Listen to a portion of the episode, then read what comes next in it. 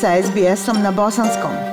Pronađite još sjajnih priča na sbs.com.au kosacrta bosnijan.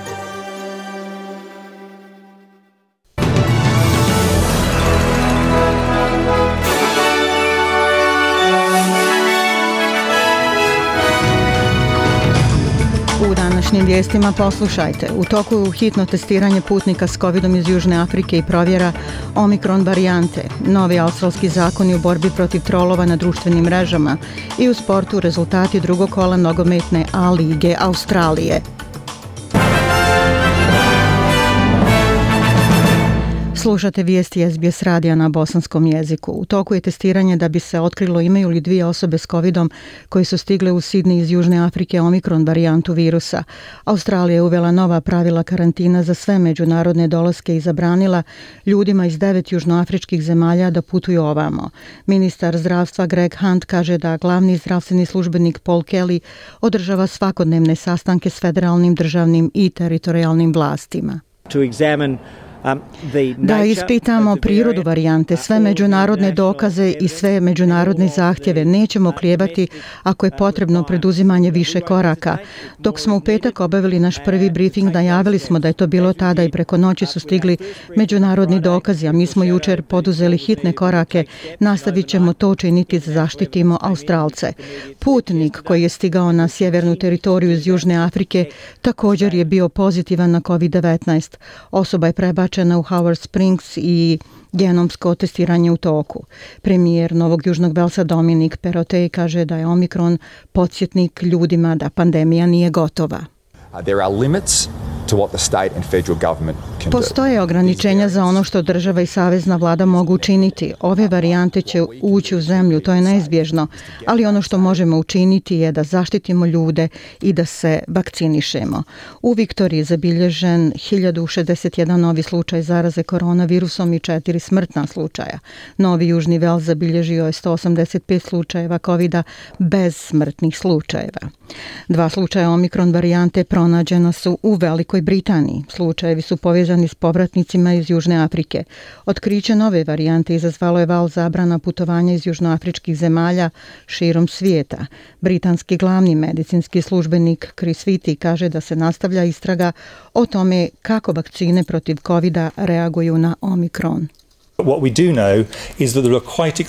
Ono što znamo je da postoji prilično opsežne mutacije na šiljku proteina koji je važan dio virusa, a razlog koji je važan je taj da dio protiv koga su sve vakcine. Dakle, postoji razumna šansa da će barem postojati određeni stepen bijega od vakcine sa ovom varijantom.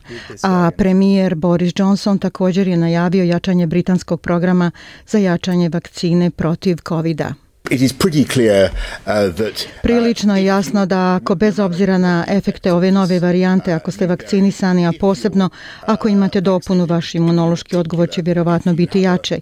Dakle, najbolja stvar koju možete učiniti, što svi mogu učiniti, je da nabavite vaš booster.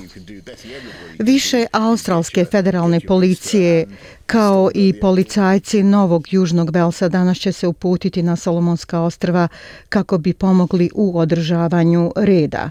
Vlade Papue, Nove Gvineje, Fidžija i Irske kao i Novog Zelanda također pružaju podršku odgovoru. Navodno su stvari u Solomonima mirnije nakon višednevnih građanskih nemira. Premijer Scott Morrison kaže da se nada da će ta podrška zemlji dati određenu stabilnost u rješavanju svojih problema. Uh, uh, Dobijamo redovne vijesti sa Solomona i sastajemo se svaki dan da pregledamo operacije. Iako su stvari veoma nestabilne u ovoj tački, ne postoje oblasti po našem saznanju u kojima smo izgubili kontrolu, ali se prave planovi i naši odgovori na njih kako bismo osigurali mir. Savezna vlada je najavila da će se obračunati sa internetskim trolovima uz nove zakone koji su uvedeni. Predloženi zakoni će društvene mreže učiniti odgovornim izdavačima kada se na njihovim platformama daju klevetnički ili štetni komentari. Premijer Scott Morrison kaže da će zakoni učiniti online svijet sigurnim za djecu i sve ljude. Online svijet ne bi trebao biti divlji zapad gdje botovi, fanatici, trolovi i drugi anonimno idu okolo i mogu naštetiti ljudima, povrijediti ih i maltretirati.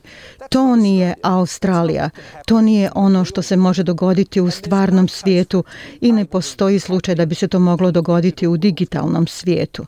Zakoni imaju za cilj da se pozabave odlukom Višeg suda kojem je odlučeno da su korisnici društvenih medija medijane platforme odgovorni izdavači za komentare trećih strana na, njih, na njihovim profilima. Državni tužilac Mikael Jakeš kaže da će promjena dovesti do odgovornosti velikih tehnoloških kompanija. Servisi društvenih medija moraju se pojačati, moraju shvatiti da imaju odgovornost u tom pogledu i zato je ovo važan korak i pruža jasnoću svim Australcima, a posebno kompanijama društvenih medija. Vi ćete se smatrati izdavačem.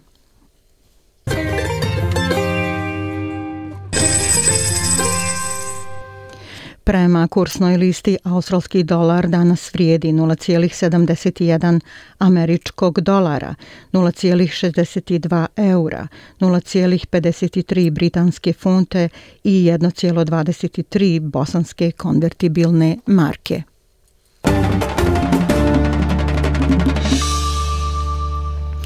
A u sportu sinoć su u drugom kolu A nogometne lige Australije postignuti sljedeći rezultati. Adelaide United igrao je neriješeno sa aktualnim prvakom Melbourne Cityjem. Sydney Football Club je na svom terenu neočekivano poražen od MacArthura sa 1 naprama 0 i Wellington Phoenixi su bili bolji od Central Coast Marinersa uz rezultat 2 naprama 1.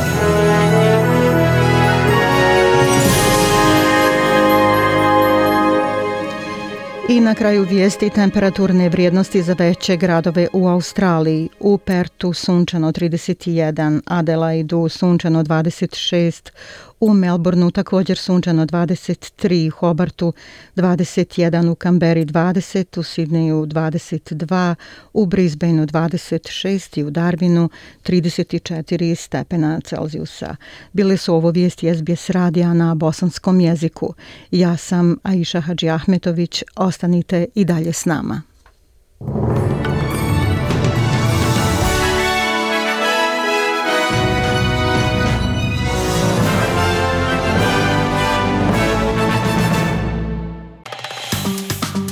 Like, share, comment. Pratite SBS Bosnian na Facebooku.